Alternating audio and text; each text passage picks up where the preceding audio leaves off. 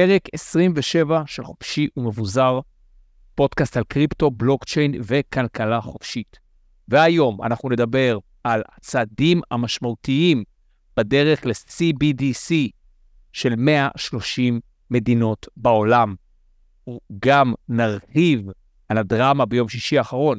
האם ה-SEC, הרשות לניירות ערך האמריקאית, דוחה את הבקשות של בלק רוק ופידליטי לקרן סל על הביטקוין? אנחנו נדבר על בריטניה, שהעבירה חוק המכיר בקריפטו ככלי פיננסי. ובפינת החופש, אנחנו נדבר על חשבון הבנק של נייג'ל פאראג', פוליטיקאי הבריטי המפורסם, שנחסם ואין לו גישה לשום בנק. נמצא איתי כאן ידידי ושותפי לפודקאסט, מיכאל פרל. מיכאל, מה קורה בפרק הקרוב? מה קורה, איציק? פרק עמוס כרגיל, נדבר על הרבה מאוד נושאים מעניינים, נדבר על ה-CBDC שיש לו משמעות לכולנו, ואנחנו נבין יותר טוב מה זה אומר ומתי זה מגיע. מיכאל, תן לנו דיסקליימרים. You are fake news. טוב, אז כל מה שאנחנו אומרים כמובן לא משמש כייעוץ השקעות, אנחנו רק נותנים לכם את הדעות שלנו ואת המחשבות שלנו. אנחנו גם לא מייצגים את החברות שאנחנו עובדים בהן, לא את קירובו, לא את סילבר קאסל. אנחנו מזמינים אתכם לעשות שיעורי בית, להתייעץ עם יועץ השקעות, לקרוא, להחכים ולקבל את ההחלטות שלכם רק לבד. טוב, איציק, אז האיחוד האירופי בעצם הטיל פצצה בשבוע האחרון.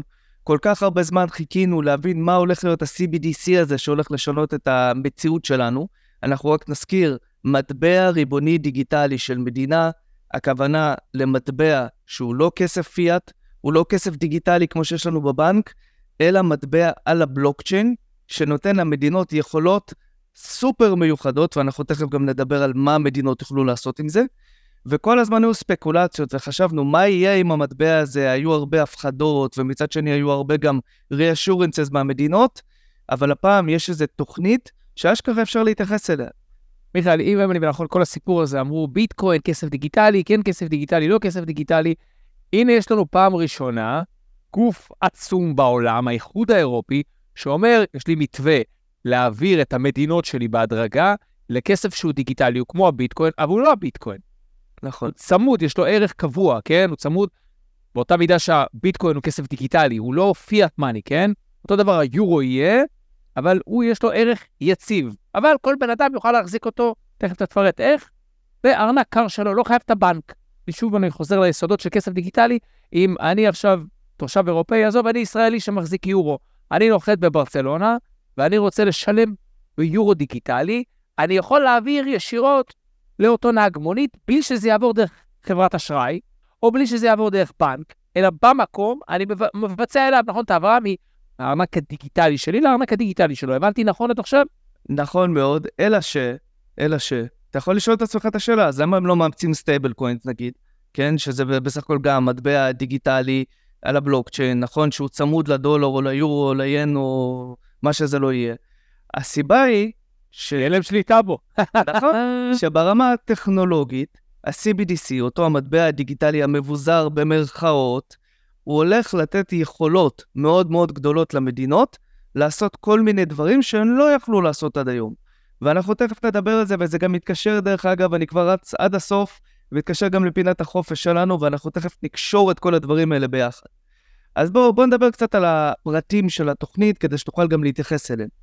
אז קודם כל, בשלב ראשון הם אומרים לך, תשמור את הכסף שלך אצלך, יש לך יורו מזומן, יש לך יורו בבנק, ה-CBDC הזה יתקיים במקביל אליו, ואנחנו נמיר לך קצת מטבעות, אולי אפילו נעשה לך איזה airdrop, כן? ניתן לך כמה מטבעות, ככה שתוכל לעבוד איתם בחינם, מה שנקרא. אל סלבדור עשו את זה. באל נכון. סלבדור, בשביל לאמץ את כל הציבור, להוריד, להשתמש בארנקי ביטקוין, המדינה נתנה לכולם 20 או 30 דולר שווי ביטקוין. ברור, ברור שיהיה פה איזשהו שלב הדרגתי, אולי בהתחלה ישלמו לך משכורות, נגיד ישלמו לך קצבאות ילדים למשל, כן? אתה יודע, מדובר במדינות עם הרבה מאוד קצבאות למיניהן, אז אולי ישלמו... קצבאות אברכים גם אולי. כן, קצבאות אברכים באנטוורפן. דבר שני, עסקים יהיו מחויבים לקבל את המטבע. זה מאוד חשוב, אתה יודע. בנק ישראל, ואנחנו תכף נדבר על זה, בנק ישראל במסמך שהוא הוציא החודש, חלק, חלק גדול מהמסמך יועד לשאלת המכובדות, האם בכלל יכבדו את הכסף הזה. אוקיי? אז זו שאלה מאוד גדולה, אז הם עושים את זה bottom up ו top down, הכל כדי להבטיח את האימוץ. משהו מאוד חשוב, איציק, שאמרת, מחזיקי ארנקים יוכלו לשלם גם במצב offline. כלומר, הארנק הזה שלך, שכנראה יהיה איזושהי אפליקציה בפלאפון, אם אני מסתכל על אה, סין נגיד כרפרנס לזה, אתה תוכל לשלם גם offline. לא בדיוק ברור לי איך הדברים האלה יעבדו, כן? כי זה קצת מוזר טכנולוגית, אבל אני בטוח שיש לזה פתרון. אבל בוא נגיע לחלק הבאמת מעניין. תהיה הגבלה על כמות הכסף שניתן להחזיק בארנק, כנראה שההגבלה תהיה עד 3,500 יורו. עכשיו, תשאל אותי למה. למה בכלל אפשר להחזיק רק 3,500 יורו? כי תחשוב על זה שכל הנושן, כל האתוס של הקריפטו זה be your own bank, נכון? עכשיו, אנחנו לא יכולים להיות הבנקים של עצמנו בפיאט. עכשיו, דמיין לעצמך שאת כל ההון שלך בשקלים או במטח, היית יכול להחזיק בעצמך. מצוין. אז רגע, בעצם מצוין. היית רץ לבנקים ועושה run on bank, נכון? היית מוציא את כל הכסף ואומר, מה אני צריך אתכם עם העמלות שלכם? ואני יודע, אולי מחר תיפלו, אולי מחר תעשו לי איזה קיצוצים uh, של הממשלה. אני מוציא את כל הכסף ושם אותו בארנק שלי. נכון, מיכאל, אז מה הבעיה עם זה? אלא מה, ראש הלובי הבנקאי האירופאי כבר הביע אי נוחות מהעניין, וכנראה שהוא לחץ על הכפתורים הנכונים, ונכנס, נכנסה העז הזאת. אומרים לך, מה אתה צריך לנהל כל כך הרבה כסף בעצמך? קח רק מה שאתה צריך, קצת לקניות, לכל מיני דברים קטנים. אתה רוצה לקנות משהו יותר גדול, תעבור דרכנו. אני רק רוצה להסביר, אתה לא תוכל לקנות רכב או בית, כן? אתה עדיין תצטרך לשמור את הכסף שלך בבנק, כן? שהוא יהיה הקסטודיאן שלך, ואתה תוכל לשמור אצלך רק פחות או יותר 3,500 יורו, שזה לא כזה הרבה כסף, כן? זה פחות או יותר משכורת אחת או אפילו פחות מזה. מזכיר מאוד את מה שבנק ישראל מתכנן פה בישראל, אנחנו תכף ניגע בזה. איציק, אבל יש דבר שכל התעשייה, בעיקר תעשיית הקריפטו, אבל גם כל האנשים שככה כמהים לחופש ומודעים לחופש, מדברים אליו, וזה שאלת התכנות של הכסף. מה זה אומר? למי שקצת מכיר, מטבעות ERC20 נגיד, בעולם האיתריום, בסוף הכסף הזה הוא איזשהו חוזה חכם, שאתה יכול לתכנת אותו, ואתה יכול לשים לו כל מיני תכונות. למשל, תכונה שאפשר להקפיא את הכסף הזה. למשל, תכונה שאפשר לפחת את הכסף הזה. להדפיס עוד, או לשרוף, וכן הלאה וכן הלאה. זה אחד החששות הגדולים. במסמך הזה שהוציא האיחוד האירופי, הם מתחייבים שלא יהיה ניתן לתכנת את המטבעות האלה כדי למנוע תשלום. עכשיו, בוא, כמו שאנחנו מכירים, ואני נותן פה רפרנס לעולם ה-DeFi, הרבה מאוד מטבעות שלכאורה אי אפשר לתכנת אותם, היה להם כל מיני מה שנקרא proxies, אוקיי? זאת אומרת, באיפשהו אתה מגלה בסופו של דבר בקוד שאתה יכול לתכנת. נשמע לך מוכר, נגיד, מגפה עולמית, או איזשהו איום מכיוון רוסיה, או איזשהו משבר פוליטי בצרפת, כן, שמחייב עכשיו הקפאת נכסים, או מחייב לקחת מיסוי. ניכוי מס במקור זה, כשמי שהמציא את המושג הזה לא חשב שאפשר יהיה להגיע למקור שלך, כן? זאת אומרת, אתה אומר לי, לפי הדוגמאות שלך, מי שלא מתחסן מפני מגפה, או חיסון הבא שהמדינה חושבת, או הפקידים במשרד הבריאות החליטו שצריך אה, לקחת, אז אנחנו עכשיו חוסמים לו את הארנק, והוא למעשה לא יכול להעביר את הכסף לשום מקום? זה מה שאתה מתכוון, מיכאל? נכון, ואני אגיד לך יותר מזה, גם בדברים יותר קטנים. אה, את המקדמות, כן, את המקדמות שלי כבעל עסק, המדינה תקווה ישירות מתוך הארנק שלי, כן? זה מה שאתה מתכוון, מיכאל? ברור, למה להתעסק בגבייה? זה, זה גם חסכוני, זה כלכלי מאוד. אבל אני אגיד לך יותר מזה, איציק, ודיברנו על זה.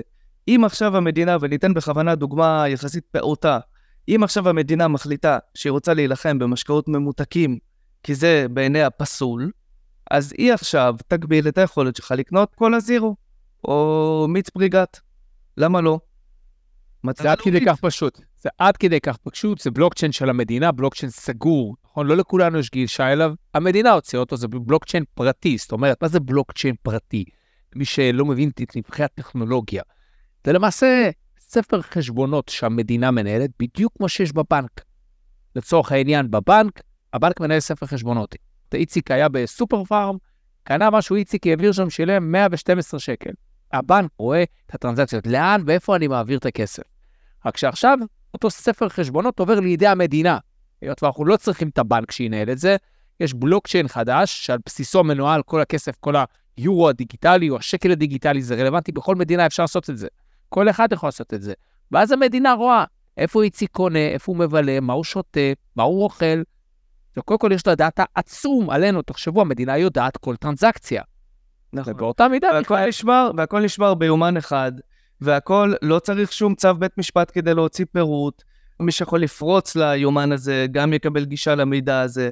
ואפשר. עכשיו להחזיר אחורה ולהגיד לך, איציק, אתה היית ילד רע מאוד, אתה שתית הרבה משקאות ממותקים, אתה מעשן, אתה אה, קונה אלכוהול, אולי, לא יודע מה, לטובת הוצאת תעודת יושר, יגידו לך, תשמע, אתה שותה יותר מדי אלכוהול, אתה קונה יותר מדי, כן? זה אפילו לא בודקים כמה אתה צורך.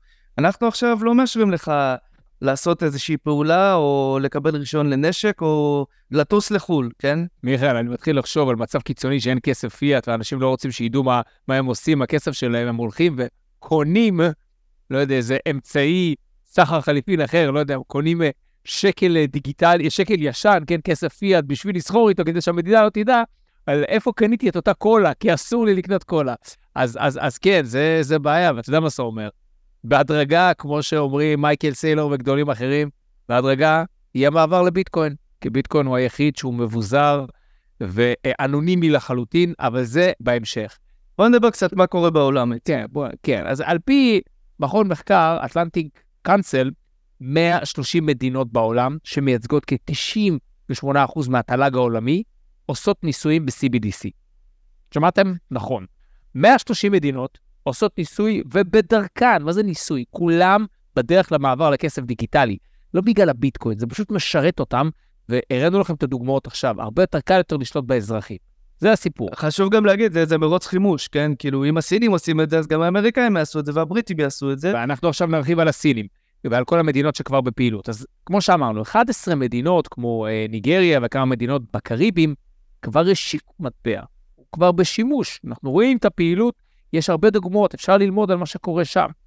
סין, סין, היואן הדיגיטלי, אם אתם מאזינים לחופשי ומבוזר, אנחנו מדברים על היואן הדיגיטלי, עוד שלב הפיילוט שהוא היה בארבע מחוזות. שימו לב, היקף המסחר בסין, ב-CBDC, עבר באוקטובר שעבר את ה-14 מיליארד דולר. זה משמעותי. כבר ב-22 היו בסין יותר מרבע מיליארד ארנקים פעילים. זה בערך כמו כל ארצות הברית, כן? כמו כל מדינת ארצות הברית. המטבע נמצא כבר בשימוש ב-23 ערים. בשבוע שעבר הושקה תוכנית לתשלום offline במטרו של העיר קינגדאו. בחודש שעבר, סין השיקה תשלום ב-CBDC, ביואן הדיגיטלי, לרכישת ניירות ערך. זה מדהים כמה זה מחלחל לכל תחום, וזה יחלחל לכל תחום. המדינה רוצה לדעת מה הסינים עושים עם כל הכסף שלהם. קונה נדל"ן, קונה ניירות ערך, קונה קולה, הכל רוצה לדעת. וכמובן, תוכנית לתשלום בין. בין מדינתי, בין סין להונג קונג, גם הדבר הזה ב-CBDC. בוא נגיד כמה. מילים רק, איציק, לגבי הסיפור של הונג קונג, אנחנו מדברים על זה הרבה, וגם השבוע קרו דברים. הונג קונג ממצבת את עצמה כ hub קריפטו, ויש אנשים שמדברים על זה שה-one country, two systems, שסין מנהלת בהונג קונג, בעצם תחול גם על נושא הקריפטו. כלומר, הקריפטו ישחקו הנערים לפניהם, כן? יהיה ETF של HSBC בהונג קונג, ותוכל לרכוש שם קריפטו כביכול, כן? תוכל לרכוש אה, מניות בקרן סל, וב-Mainland China יהיה שימוש ב-CBDC. עכשיו בוא נגיד עוד משהו. תוכנית דרך המשי שדיברנו עליה, כן? התוכנית השאפתנית של סין לשנע סחורות ולהכניס תחת המטריה שלה הרבה מאוד מדינות, 148 מדינות ליתר דיוק. תחשוב שכל המדינות האלה, מה יקרה אם סין תגיד להן התשלום עבור הסחורות שאנחנו מספקים להם, אה, לכם, רק ב-CBDC. זה אימוץ מיידי בכל ה-level הזה של אה, ה-cross border payments, וזה פשוט הולכת להיות מהפכה. ומי שמקשיב, מאזין, סליחה לנו לפודקאסט, כבר יכול, זה בטח העלה לו את מה שדיברנו פה לפני כמה פרקים, את ההסכמים עם רוסיה, ההסכמים עם ברזיל, את ההסכמים בדרך עם שאר מדינות הבריקס. אתן לכם דוגמה לצורך העניין, הסינים והרוסים הגיעו כבר להסכמה שמשאבי טבע שהסינים קונים מהרוסים, הם משלמים להם ביואן דיגיטלי. למה לעבור דרך הדולר? למה לחזק את האמריקאים? שזה מתחבר לאסטרטגיה אחרת, גם של אותו ציר של מדינות גדולות, הם מחפשים שנים מה הדרך להחליש את האמריקאים דרך הדולר. הרי אי אפשר להתמודד עם האמריקאים צבאית, אבל הכוח האמיתי של האמריקאים זה הכוח העוצמה הרכה, ודיברנו על זה. והיום לראשונה, הנה הסנונית, הנה הסנונית. בשביל להפיל את האימפריה הזאת, כמו שהפילו את האימפריה הרומית, נפלו דרך המטבע. המטבע, האינפלציה, השימוש לרעה, אבל בצורה לא נכונה לפעמים, גם במטבע שלהם. אז היום יש אלטרנטיבה. ובאים הסינים אומרים לרוסים, אתם רוצים לקרוא דרכנו? אך ורק דרך היואן. ותחשוב כמה, מיכאל, כמה השפעה וכוח זה נותן ליואן הסיני, שיותר מדינות מחזיקות אותו, יש לו יותר ביקוש, הערך שלו עולה ב- בעיני העולם. אז אנחנו ראינו את זה. עזוב, מי בכלל צריך סוויפט? למי אכפת בכלל מסוויפט? נכון. אתה יודע, דיברנו על הכוח של הסוויפט. מה זה הסוויפט בכלל? אם אני יכול להעביר עכשיו בשנייה יואן סיני ממדינה למדינה, דרך, בלי לעבור בשום מערכת מערבית. ושלום על ישראל. ואנחנו רואים את זה גם, או על ארה"ב. ואנחנו רואים את זה גם בברזיל, דיברנו על ההסכם שלה יחד עם ארגנטינה, בדרום אמריקה, כוח עצום, כן, של שתי מדינות שאומרות לעצמם, רגע, למה אנחנו באמת צריכים את התלות הזאת באמריקאים, ושוב, כמו שאמרת, בסוויפט, בשחקנים צד שלישי. אז, אז בואו בוא נשים את זה בצד, דיברנו על זה, לכו לפרקים קודמים, מאוד ממליצים לכם להאזין לפרק הזה על הבריקס. איך הם מת, מתכוננים להתמודד ולהחליש את האמריקאים ואת הדולר האמריקאי, והכל עובר דרך CBDC, וכמובן, בצד שלהם נושאים עיניים על היואן הסיני. הסינים מבינים שלא כל העולם יאמץ אותם ולא כל העולם סומך עליהם, לכן הם בונים אסטרטגיות אזוריות לשיתופי פעולה אזוריים אה, עם מדינות מהסוג הזה. בואו אה, נמשיך הלאה, מיכאל. הודו, עוד, עוד מדינה של יותר ממיליארד תושבים. אני אתן עדכון, מיליארד נקודה ארבע שמונה עברה את סין. לסיני, ראיתי בסוף שבוע, מיליאן, מיל, מיליארד ארבע עשרים וחמש. אז היא היום המדינה הגדולה אמרת אחד אחד? כן, לא היה לי מה לעשות בשבת. שם, אתה יודע, בשקט בשקט, קורה שם משהו. כן. אז תראה, הבנק המרכזי של הודו טוען שיש במדינה מיליון משתמשים ב-CBDC. הם השיקו את הפיילוט בנובמבר של שנה שעברה, והם עושים את זה גם בצורה מאוד מאוד שיטתית. למה זה מתחבר, איציק? שהודו עשתה גם מהלכים מאוד מאוד מש... משמעותיים במלחמה בתעשיית הקריפטו. מי שלא יודע, הודו זה קריפטו-האב מאוד מאוד גדול, פוליגון אה, נוסדה שם, ויש הרבה מאוד פרויקטים שמגיעים מהודו, והרבה מאוד משתמשים. באיזשהו שלב הייתה כתבה ב-FT, שהודו היא המדינה עם הכי הרבה משתמשים per capita, וגם לפי, ב, ב, לפי כמות, זאת אומרת, נומינלית, אבל יש שם מהלכים מאוד מאוד אגרסיביים נגד הקריפטו, ובד בבד ה-CBDC הוא ב-force מלא. ארצות הברית היא די אה, ככה מגמגמת, למרות שאם אני מחזיר אתכם אחורה, לכמה פרקים אחורה, הייתה אמירה של בלאג'י, כן, שהיה ה-CTO של קוינבייס, שהוא דיבר על זה ש-the CBDC is coming. כרגע אנחנו רואים שזה לוקח קצת יותר זמן, כנראה שהוא... רגע, אבל השיח, הוא, הגזים, אבל אתה יודע, אני, אני, אני פה חייב להתערב. ארצות הברית נוקטת בגישה אחרת. ארצות הברית, כיאה לעומת השוק החופשי שהיא הייתה, כן?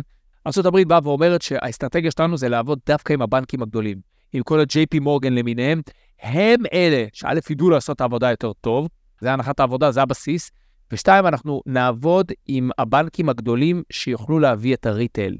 הבנק המרכזי הפדרלי, לחיים לא יוכל לעשות את העבודה הזאת, וזה לא משהו שאתה יכול ברמת states, כן, לתת שה-states ינהלו.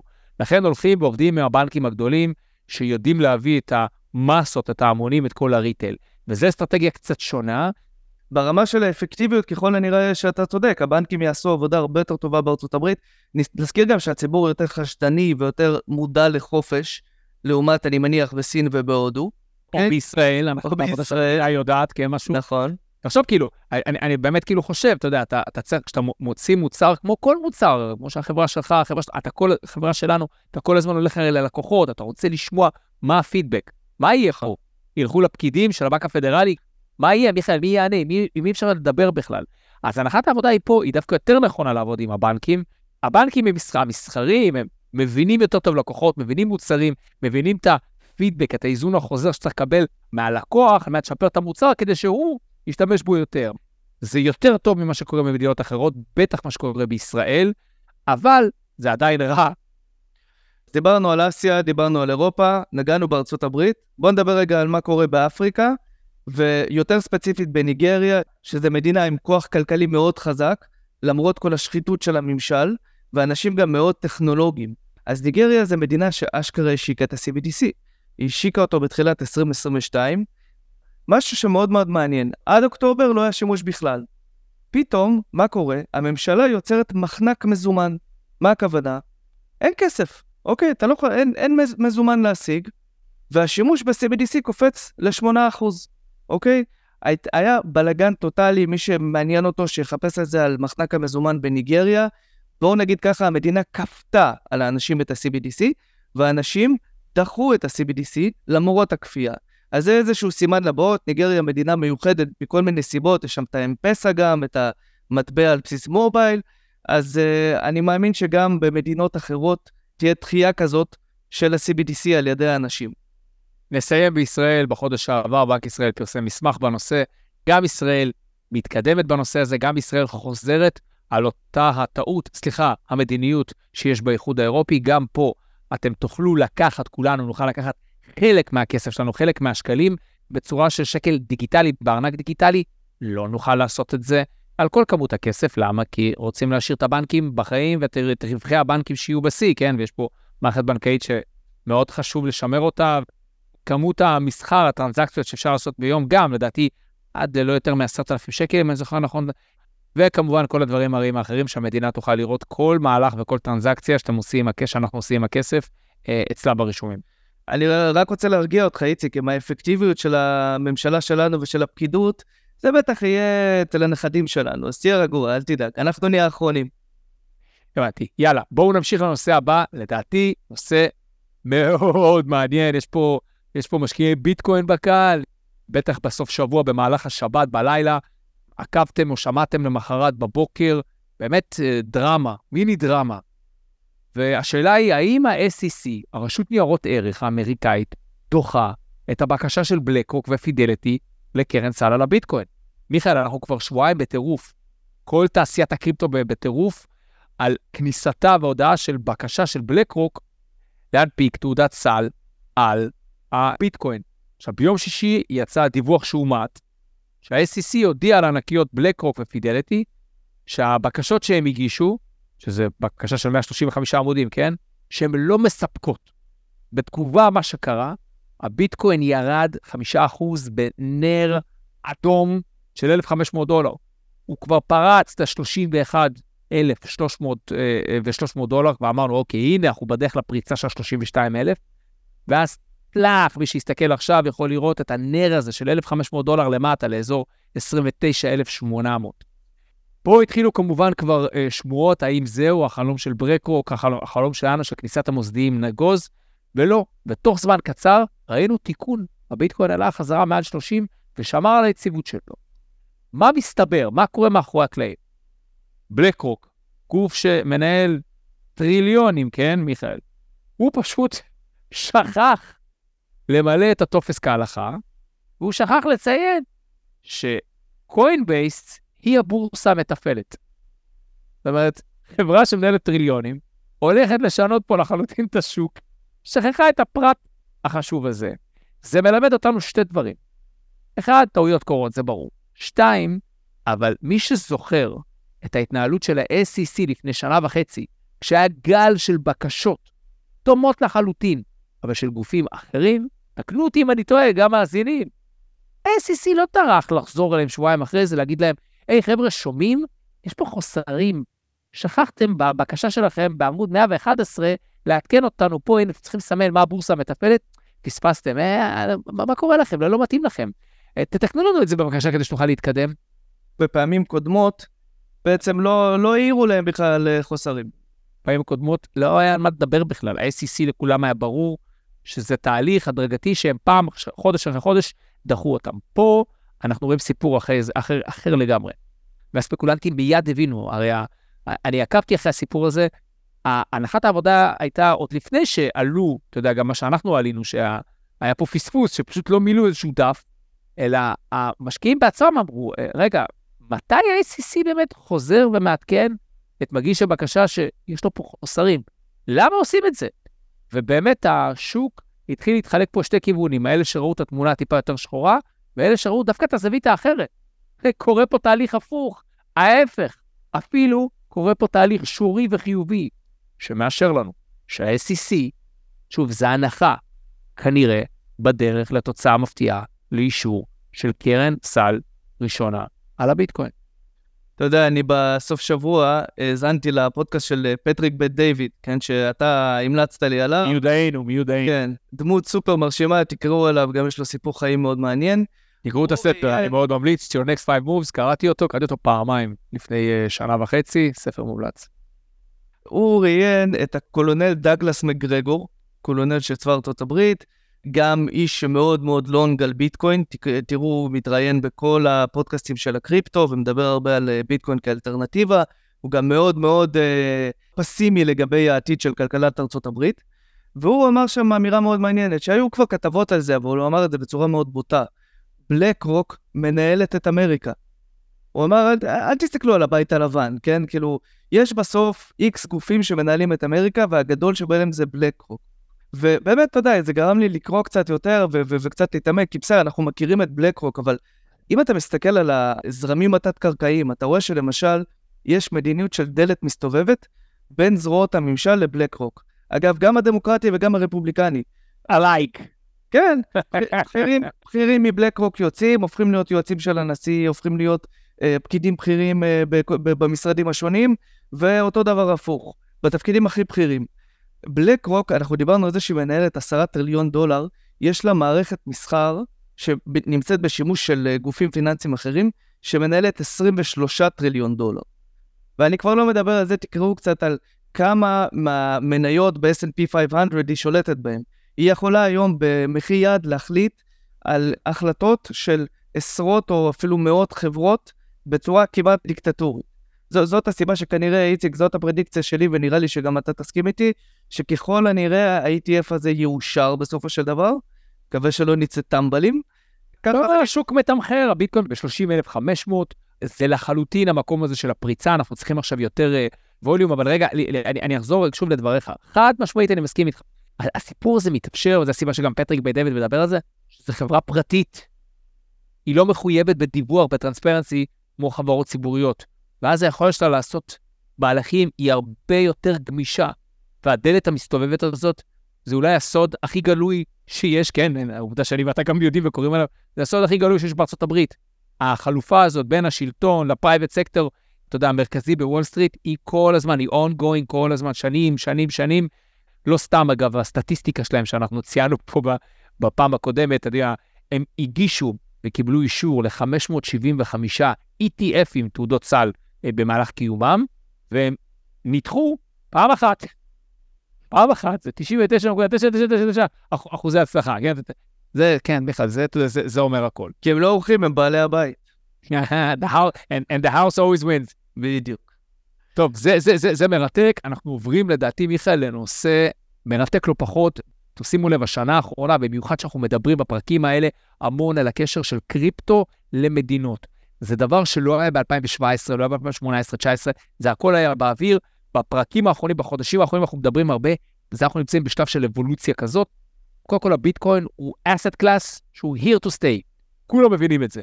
ברגע שבלק רוק מבין, מבינה את זה, סליחה, ארה"ב התכוונתי כמובן, מבינים את זה, והאמריקאים מבינים שצריך להסדיר ורגולציה, וגם שאר המדינות, אה, אנחנו רואים, תכף נדבר על אה, בריטניה. מיכאל, אה, אנחנו מציינים פה הרבה את הונג קונג, המזרח לא יוצא פראייר, מבינים שיש פה הרבה כסף של ההון המסורתי, כן, של שוק ההון המסורתי, שעובר בהדרגה לנכסים הדיגיטליים, וצריך לעשות סדר. ויותר מזה, מתקשר, תכף אתה תסביר ואתה תזכיר לנו למה שאמרנו בשבוע שעבר. מדינות רוצות להיות ראשונות להסדיר את הרגולציה, למשוך את היזמים, למשוך את המשקיעים אליהם. מי שעושה עכשיו מהלכים ראשון ומצליח לבסס את עצמו כהאב אזורי, ירוויח בעתיד הרבה כסף. ויש לנו פה דוגמה לראש ממשלה מאוד פעלתן, שבא מהפרייבט סקטור בבריטניה, שעושה מהלכים מאוד נכונים, ושהוא עתיד למשוך לשם הרבה תנועה. מיכאל, אתה מבקר המון בעשר שנים האחרונות בלונדון, מכיר היטב את התעשייה, בוא תפרט לנו, תספר לנו מה קורה שם בפנים. כן, אז שמע, דיברנו באמת על המאמר של אה, מייקל אייזנברג, שדיבר על מדינות שמצליחות לנצל הזדמנויות ומדינות שמפספסות הזדמנויות, כמו ישראל, ובריטניה הולכת all in. בעצם רישי סונק, מאז שהוא נכנס לתפקיד, עשה מהלכים מאוד מאוד משמעותיים. יש עליו הרבה ביקורת, אבל יש תחום אחד שהוא התמקד עליו, וכמו שאמרת, הוא מבין בו היטב, וזה התחום הפיננסי. הוא בעצם העביר תוכנית שנקראת תוכנית אדינבורג, שזו תוכנית לליברליזציה של המגזר הפיננסי, ולהתאמתו ל-50 שנים הבאות. אז כחלק מזה, הם עשו גם חקיקה מאוד מקיפה בתחום הקריפטו. אז בשבוע שעבר, המלך צ'ארלס, תתרגלו, חתם על חוק מאוד משמעותי, הוא בעצם האינסטנציה האחרונה שחותמת על החוקים, שבעצם מסדיר את כל הנושא של הקריפטו. עכשיו, מה שמעניין זה שהחוק מגדיר את הקריפטו ככלי פיננסי לגיטימי. לא איזה תוכנת מחשב, לא איזה אחות החורגת של הפיאט ושל נגזרים וסחורות וכולי, אלא כלי פיננסי לגיטימי ומוכר. עכשיו, בואו נדבר קצת על החוק. על פי החוק, הרגולטורים השונים, ובעיקר ה-FCA, הרגולטור הכל יכול של אה, בריטניה הפיננסי, יקבלו אחריות על הקריפטו. מה זה אומר? זה אומר שהם הולכים להחיל על הקריפטו, דברים שקצת דומים, נגיד, מי שמכיר, לתעשיית הפורקס, לתעשיות של futures אה, וכן הלאה וכן הלאה. למשל, יהיו חובות דיווח ל-exchange-ים המרכזיים. מה זה אומר? אם יש איזה שהם גליצ'ים, אם יש איזה שהם אה, בעיות במסחר, הם הולכים לדווח על זה.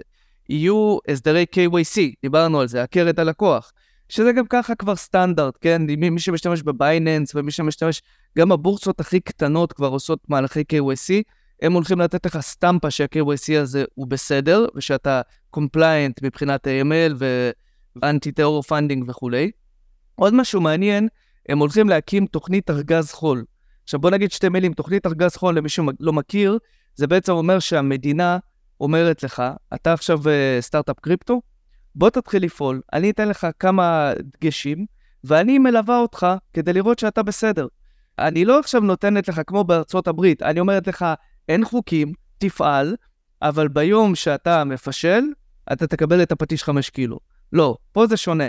אני אלווה אותך, אם אתה עושה טעויות אני אסביר לך, אולי אני גם קצת אתן לך מה שדיברנו על זה, הגנת ינוקה, כן? שזה, כשאתה מתחיל אז נותנים לך קצת מעלימים עין וקצת נותנים לך לפעול, לא ישר דורשים ממך דברים שעולים כסף ועולים משאבים, וניתן לך בעצם לפעול בצורה די חופשית.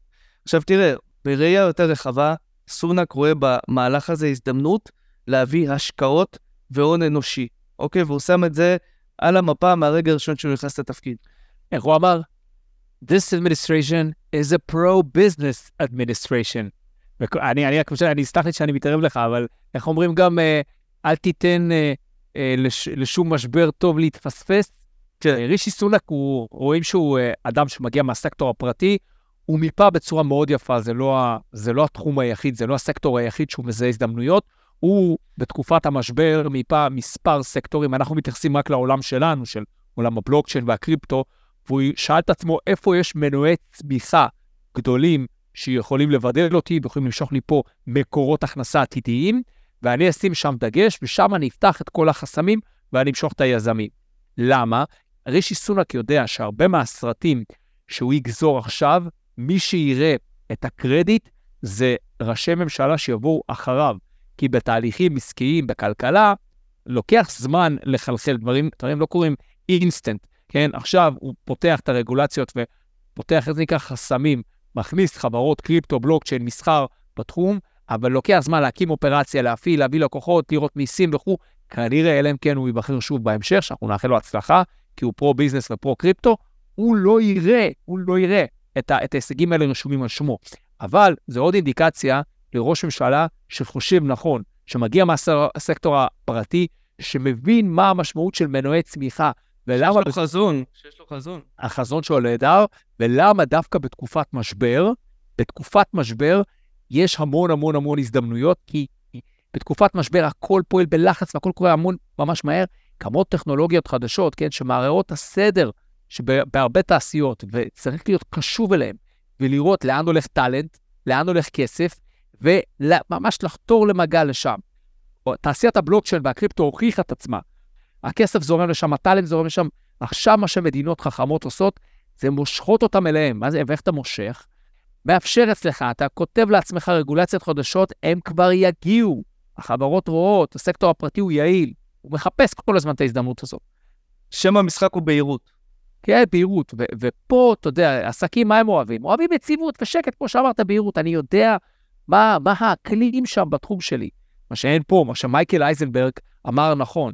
פה אנחנו מנוהלים על ידי פקידים שאין להם מושג מהחיים שלהם, שלא היו יום אחד, לא עבדו בעבודה בסקטור היצרני, והם לא מסוגלים לחשוב כמו עולם העסקים. בגלל זה גם פה אנחנו באמת צריכים לקוות שבהמשך, מי שימלא פה תפקידים חשובים בתחום עיצוב המדיניות הציבורית שלנו, יהיו יותר ויותר אנשים שיגיעו מהסקטור הפרטי היצרני.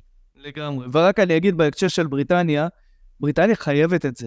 לא יודע אם ראית, אבל ברבעון הראשון של 2023 היא צמחה ב-0.1 המדינה בסטגנציה מטורפת. ממש. ולמרות זאת, הפוטנציאל נמצא שם, כי בריטניה היא בעצם המדינה השלישית בגודלה בעולם מבחינת תעשיית הטק. יש לה תעשייה של יותר מטריליון דולר.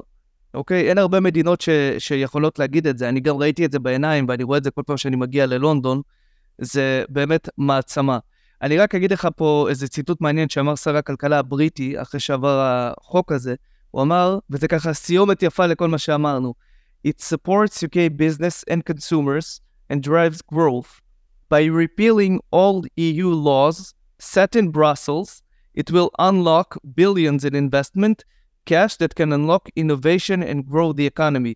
תשימו לב לעקיצה פה, ל-EU, כן, שה... גם נזכיר את הקונטקסט של הברקזיט, כן, שבריטניה עדיין נלחמת למצב את עצמה אחרי שהיא יצאה מהאיחוד האירופי, וזה מהלך שהוא חלק מכל הדבר הזה. ורק נגיד עוד מילה אחת, שזה לא רק בתעשיית הקריפטו, כי OpenAI, שהיא בכותרות כל הזמן, שאומרת... החברה, החברה של סם אלטמן, כן, החברה מאחורי כן. GPT, OpenAI, כן, מיכאל? כן, היא הקימה את המטה הראשון שלה מחוץ לארצות הברית, והיא בחרה בלונדון להקים את המטה הזה, וכנראה שלא בכדי. כן, אה, אמרת מילה על הברקזיט, זה תכף יהיה בפינת החופש בהקשר שלה, אבל אני אגיד לך, הנה, אה, הרי מה, מה הבריטים טענו? בטח תומכי הברקזיט. והנה, אני אומר לכם, אני חשבתי שכלכלית, במידה מסוימת יש פה המון המון יתרונות, והנה זה בא לידי ביטוי, זה לקח זמן. היום, בשביל להכניס, תחשוב, כאילו, ה... מה שרישי סונש, ראש ממשלת בריטניה, עושה היום, עם הרגולציה שלו בתחום הקריפטו והבלוקצ'יין, אני בספק, מיכאל, אם הוא יכול לעשות את זה כשהוא תחת הנציבות האירופית. כי עם, כי עם כל הכבוד, אתה יודע, הנציבות האירופית זה בסוף גוף בירוקרטי גדול, אתה יודע, הנחת העבודה היא רגע. עזוב, הוא לא היה, אני אומר לך, כן. לא, ללא ספק. מיכאל, תכף יהיה לנו מעבר כמעט מדהים איך זה מסתדר בפינת החופש לאירוע שקשור בברקסיט. אז מיכאל, תן לי סאונד של חופש.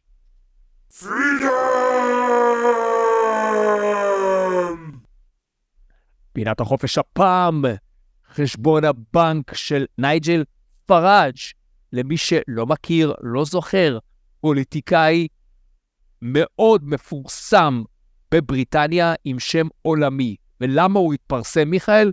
אנחנו מדברים על פוליטיקאי בריטי שעמד בראש מפלגת יוקיפ, שתמכה בברקזיט. UK כן? Independence, כן? כן, UK Independence. מי שמכם עוד זוכר אותו, בתקופה סוריאליסטית, שהוא היה נותן גיחות לארצות הברית לקמפיין הבחירות של דונלד טראמפ, שהם חלקו תפיסת עולם די זהה. אולי, אולי אתם גם זוכרים אותו מהנאומים שלו בפרלמנט האירופי, שהוא עמד בפרלמנט, בפרלמנט האירופי כמו איזה צלם בהיכל, כן? ונכנס שם בכל ה-MEPs האלה, ואמר להם שהם מושחתים, וכמה בריסל זה מקום מושחת, ודמות מאוד צבעונית, אין ספק. נכון, אז הוא הפך, ל... הוא חתיכת דמות, כן? למי לעשות עליו אה, גוגל, יוטיוב, הוא דמות, אה, הוא איש שהוא מייצר המון תוכן והוא מקדם את תפיסות העולם שלו השמרניות בתחומי ביטחון, ביטחון פנים, כלכלה.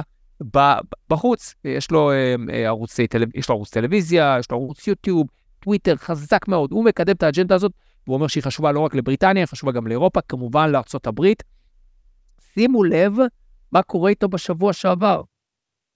מיודענו פראז' מגלה שחשבון הבנק שלו נחסם. עכשיו, מדובר בחשבון בנק ותיק, שיש בו הרבה נכסים, חשבון בנק עסקי. כל האימפריה שדיברת עליו, עליה עכשיו, משולמת על ידי חשבון הבנק הזה, ובעצם הוא נחסם ללא הסבר, ללא אפשרות לערעור. הוא טוען שהוא פנה לבנק, הוא לא מקבל תשובה. הוא מנסה לפתוח חשבון בנק בשבעה בנקים אחרים, ומקבל סירוב. אז פראז' יוצא לטוויטר, כמו שהוא תמיד עושה, והוא מצייץ, The establishment are trying to force me out of the UK by closing my bank accounts. והוא אומר עוד דברים, הוא, הוא טוען שזה בעצם uh, מסיבות פוליטיות, ובסוף הוא אומר משהו מאוד מעניין, If they can do it to me, they can do it to you too. ותכף, תכף נדבר על המשפט האחרון הזה שלו, כי זה מה שבאמת מעניין, כי זה לא הבן אדם, זה התופעה. עכשיו, אחרי כמה זמן הבנק יוצר איתו קשר, ומציע לו לפתוח חשבון פרטי. כלומר, אתה רוצה לנהל את העניינים שלך של המכולת, סבבה. אבל העסק שלך, שבעצם זה תנועה פוליטית, אנחנו לא מוכנים לתת לה פלטפורמה פיננסית. עכשיו, פראז' כמובן זועם, זה היה בכל הכותרות בבריטניה, הוא אומר שהוא ככל הנראה ייאלץ לעזוב את בריטניה.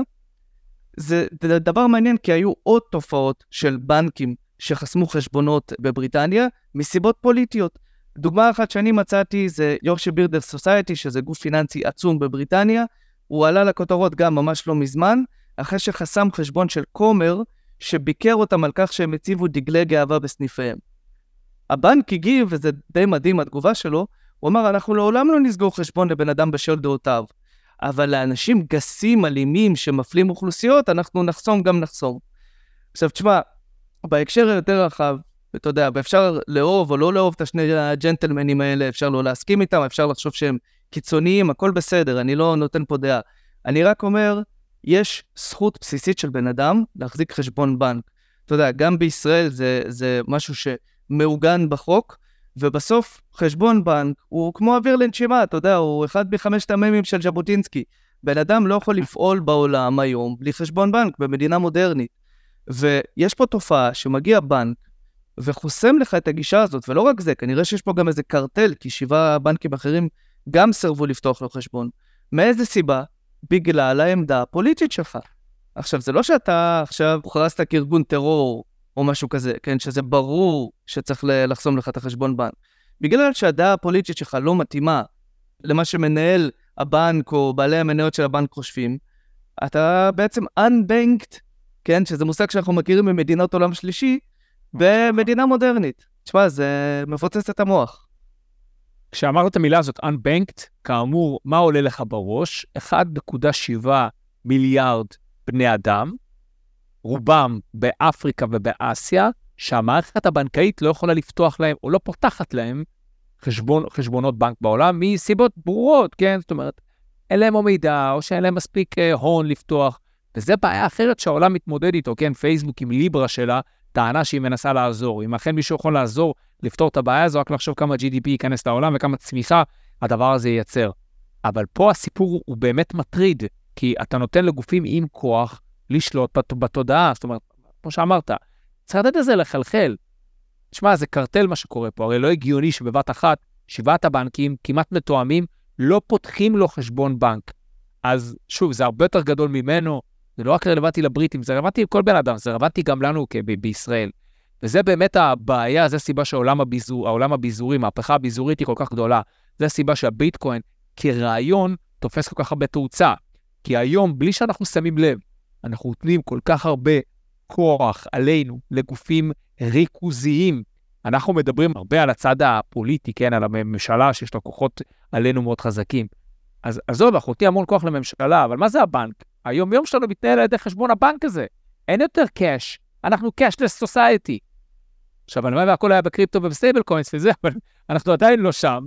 עכשיו, אני תלוי לחלוטין בגוף ריכוזי, וזה מתקשר, אתה יודע, גם לדברים האחרים שמקודם דיברנו, על נושאים בפרק הזה, לסטייבל קוינס, ל-CBDC, למדינה שהיא יותר פתוחה לתחרות על הכסף, לאיזה כסף אני משתמש בו. כי אם כל הכסף שלי הוא בפיאט, והפיאט יושב בבנקים, אני תלוי לחלוטין בבנקים. הדבר הזה הוא מאוד מאוד מטריד. התחילו מדמות ססגונית כמוהו, זה יכול להידרדר למקומות הרבה יותר נוראים. הבעיה, שוב, זה לא טרנספרנט, אנחנו לא יודעים איך הם מקבלים את ההחלטות ומי מקבל את ההחלטות. אגב, it goes uh, both ways, כן? זה, היום זה פוגעים באיזה איש ימין בגלל הדעות שלו, מחר זה יהיה איש שמאל. זה לא שמי שמאזין לנו יכול להגיד, אה, פראג' הזה, הוא התנגד לברקזיט, טוב שסוגרים איתו חשבון. מחר יבואו לאיזה סוציאליסט שרוצה לעזור לאנשים, לא יודע מה, לניצולי שואה, או שפועל בתחום הרווחה, או שעוזר למהגרים, לגמרי, ואתה יודע, אה, אנשי השוק החופשי, קפיטליסטים כמוני וכמוך, הם אומרים, טוב, יש את הממשלה, ויש את המגזר הפרטי, שהמגזר הפרטי זה ה haven שלנו, זה ה safe haven שלנו, שהוא ייתן לנו את המזור לחופש וזה. צריך לזכור שגם במגזר הפרטי, גופים שצוברים יותר מדי כוח, ודיברנו עכשיו על BlackRock, כן? שיכולה להרים ולהפיל ממשלות, כן? הקולונל הזה דיבר על כך ש... כל המלחמה באוקראינה מתנהלת כי BlackRock רוצה בזה. אין לי מושג אם זה נכון או לא, או אם יש בזה אמת קצת, אבל אתה יודע, גם גופים פרטיים, כשמקבלים יותר מדי כוח דם עולה להם לראש, שלא לומר יותר מזה, הם יכולים להיות מאוד מסוכנים לחופש שלנו, וגם אותם צריך להגביל, אני לא אומר בחקיקה, אבל אני אומר שצריך להתמרד כנגד זה, ואם עכשיו איקס אנשים יסגרו את חשבונות הבנק של הבנק הזה, ויעברו לבנק אחר, ויעשו איזה שהם צעדים כלכליים של מרד צרכנים, אני בטוח שהבנק הזה יחשוב פעמיים לפני שהוא יחסום חשבון בנק של מישהו אחר. יש הרבה כוח לציבור. הנה, הם רוצים לעשות מרי אזרחי שיעשו על הדברים האלה, ו- ו- ובהקשר הזה, יש פה זווית מאוד מעניינת לגבי ישראל. אנחנו לא ציינו, אבל באמת אולי זה המקום בפינת החופש דווקא לעשות את מה, ש... לייצר את מה שניר ברקת עושה בישראל. אה, את המאבק שלו במונופולים. שוק חופשי מתנהל לא רק בתנאי שהמדינה מתערבת כמה שפחות ומאפשרת תחרות, אלא היא גם שהיא מאפשרת תחרות.